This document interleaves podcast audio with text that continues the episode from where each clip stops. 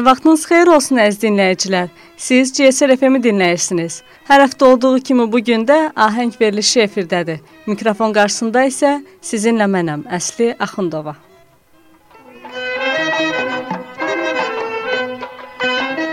Səsin, nəfəsin ecazkarlığı doğulan gündən dünyada çox mülklər bərqərar olub göz qamaşdırıcı, insanı heyrətə gətirən gözəlliklər, qəribəliklər içərisində yalnız ruhun duya biləcəyi, qəbul edəcəyi səs adlı bir saray da var. O sarayın daşlarını öz məlahətli avazı ilə ucaldanlardan biri də Səxavət Məmmədov idi. Bu gün bu sənətkarın doğum günüdür. Bugünkü verilişimiz də məhz onun həyat və yaradıcılığına həsr olunub.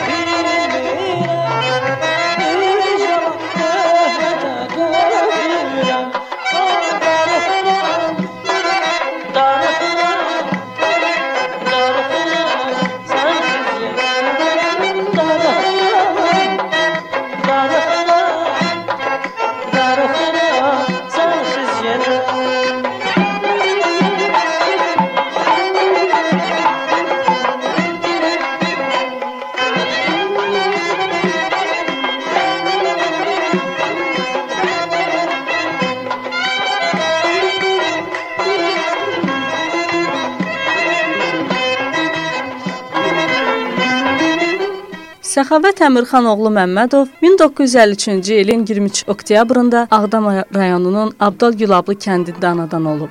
Bu qədim kənddən o qədər saz söz sahibi, sənətkarlar çıxıb ki, oranı Azərbaycanın konservatoriyası adlandırmaq olar.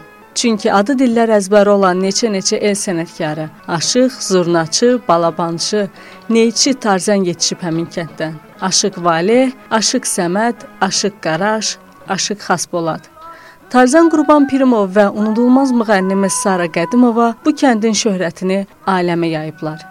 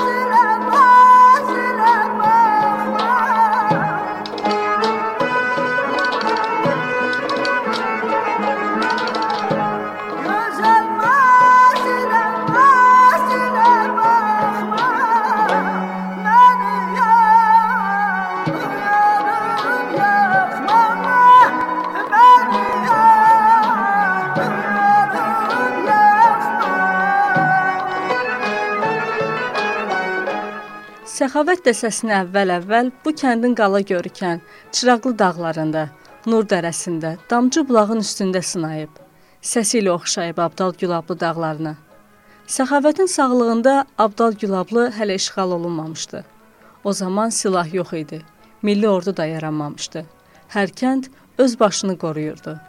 Belə bir vaxtda Səxavət öz pulunu silaha, patrona verib kəndə gətirirdi.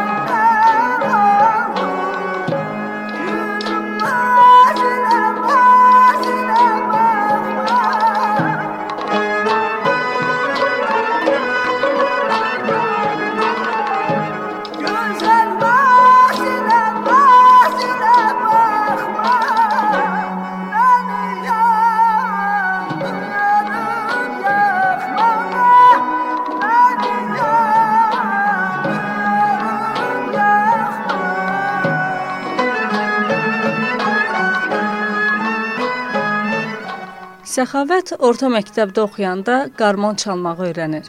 Amma toyda şənlikdə oxumağa utanır. Qarmonu ifa edəndə o qədər ürəkdən çalardı ki, çox vaxt özünü unudub səsini qarmonun səsinə qatardı. Allah səxavətə səs payını verəndə ondan səxavətini də əsirgəməyib. Ona şirin, zərif bir səs verib.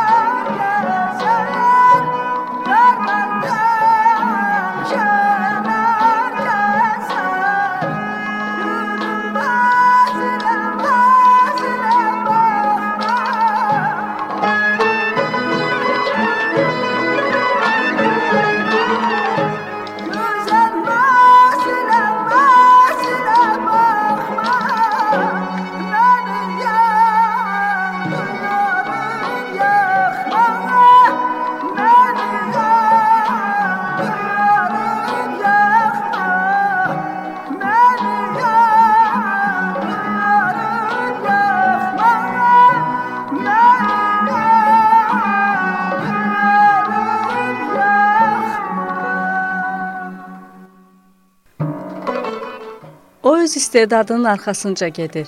8-ci sinifi bitirib Bakıya gəlir.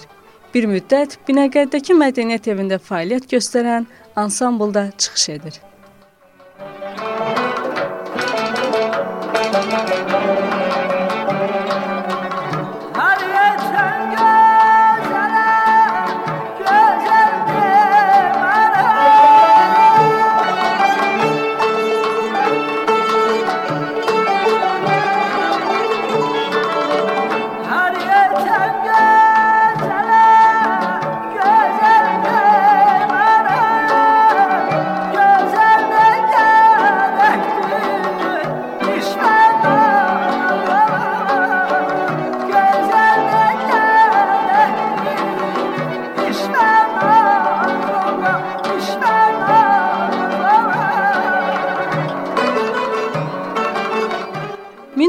1970-ci ildə Səxavət arzusunda olduğu Asəf Zeynallı adına Bakı Musiqi Məktəbinə daxil olur. Gənc müğənni Hacı Baba Hüseynovun sinifində Azərbaycan muğamlarını öyrənir. Təhsil illərində Səxavət orduya getməli olur.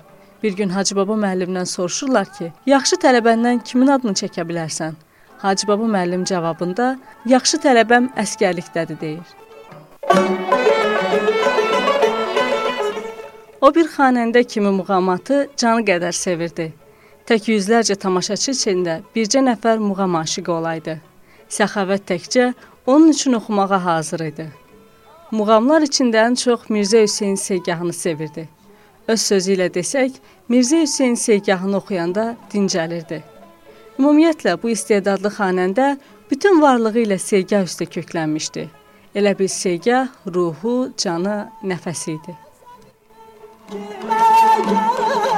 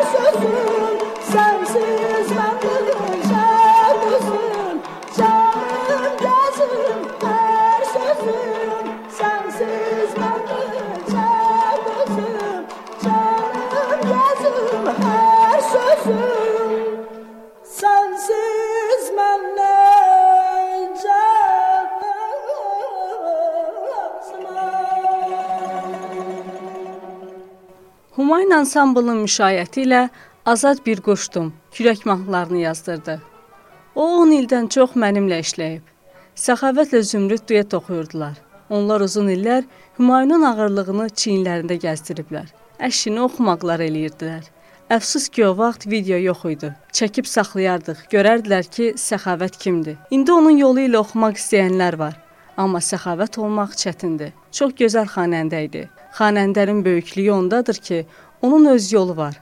Bu sözləri xalq artisti Əlibaba Məmmədov Səxavət Məmmədov haqqında xatirələrini bölüşərkən bildirib.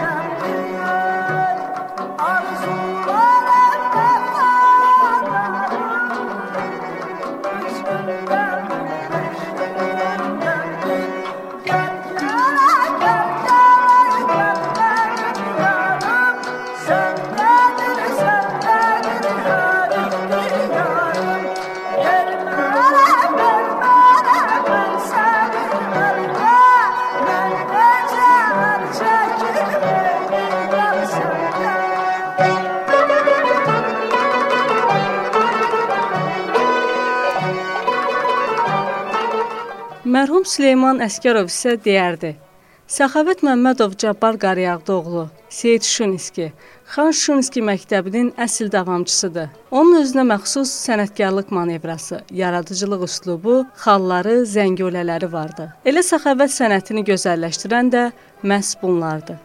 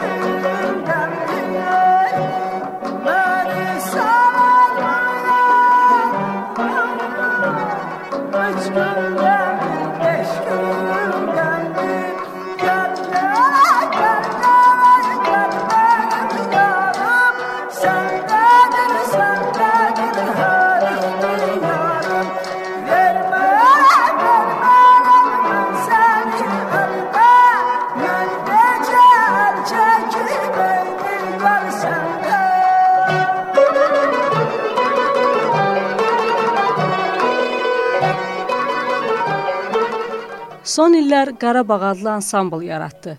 Ansamblda məşq etməkdən doymazdı. Hərdən ona elə gəlirdi ki, ürəyinin yanğısını səsi ilə söndürə bilmir. Əhvalının belə çağında götürüb qarmon piano çalardı. Yenə ürəyincə olmazdı. O sanki ürəyini tarın siminə boşaltmaq istəyirdi. Ömrünün son ilində mehrini tara salır.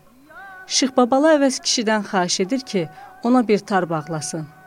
Əvəz kişi də sən qapıdan girən gün tar qurbandır sənə deyir. Gəlməsən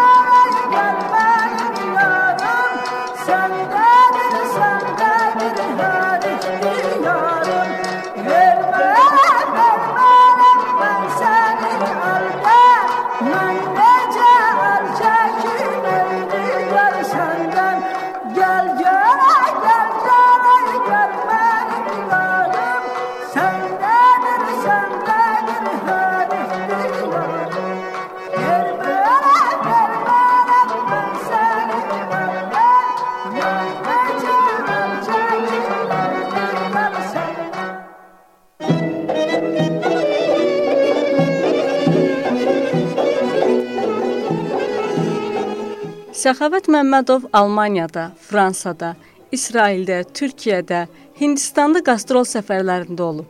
Bu ölkələrdə xalq musiqimizi layiqincə təmsil edib. O 1985-ci ildə Avstriyada keçirilən musiqi festivalında uğurla iştirak edib.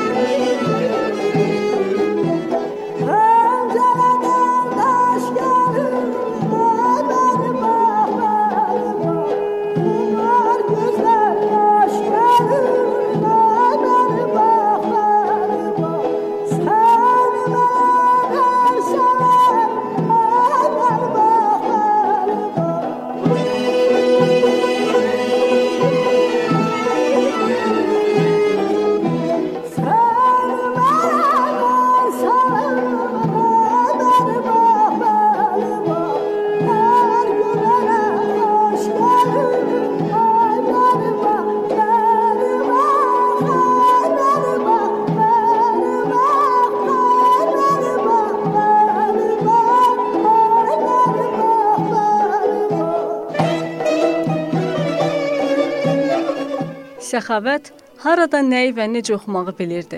Qürbətdə yaşayan azərbaycanlılar onun hər mahnısını, muğamını kəsilmək bilməyən alqışlarla qarşılayırdılar. Bir dəfə İsraildə olanda Azərbaycandan köçüb getmiş yəhudilər onun səfərinin vaxtına toy salmışdılar ki, Səxavət o toyda oxusun.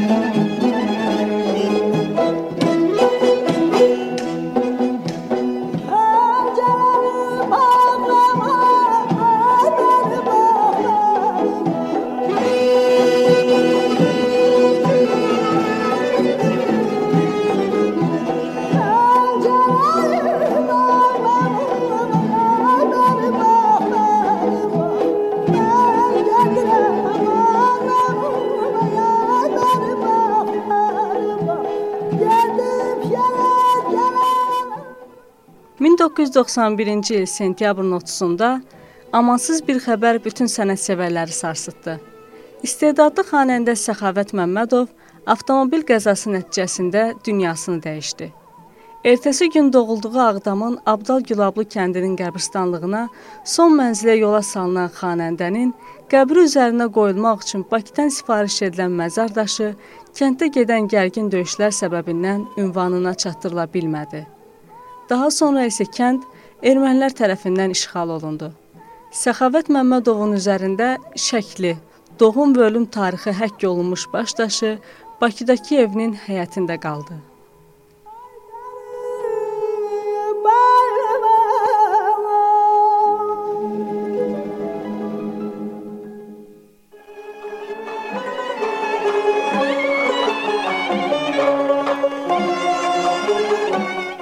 Əziz dinləyicilər, bugünkü efirimiz yekunlaşdı. Bu gün Səxavət Məmmədovun doğum günü idi. Bu münasibətlə də efirimiz onun həyat və yaradıcılığına əsr olundu. Sizinlə həmsöhbət mən idim, Əsli Axundova. Növbəti efirlərdə eşidilmək ümidi ilə Xudahafiz.